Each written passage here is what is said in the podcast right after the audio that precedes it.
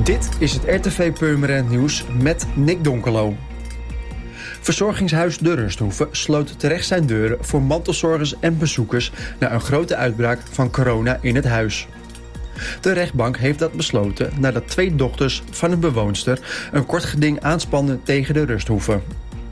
De dochters maakten bezwaar tegen de bezoekstop omdat hun dementerende moeder daar zichtbaar onder lijdt. De zussen vonden dat in dit geval het Europees Verdrag van de Rechten van de Mens van toepassing is. De rechter vond dat de corona-uitbraak ernstig genoeg was dat de rusthoeve in haar recht stond om de bezoekstop af te kondigen. Bewoners van het Rafaelhuis, mensen met een niet aangeboren hersenletsel, kunnen vanaf nu samen met een begeleider op een elektrische duofiets.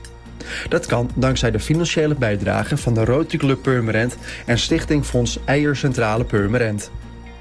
Er waren particuliere elektrische fietsen, maar nu kunnen de ongeveer 24 bewoners collectief gebruik maken van deze voorziening.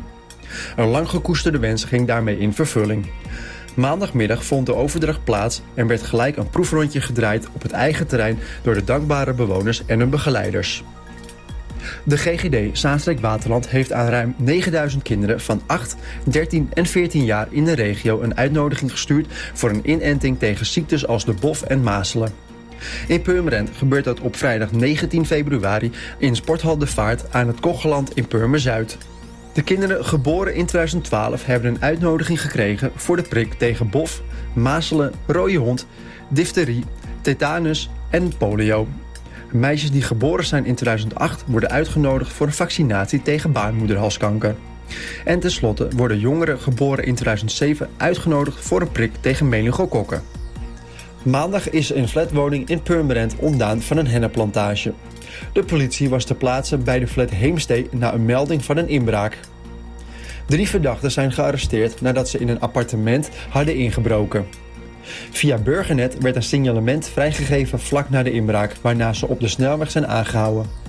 Volgens een buurman staan twee slaapkamers vol met hennenplanten.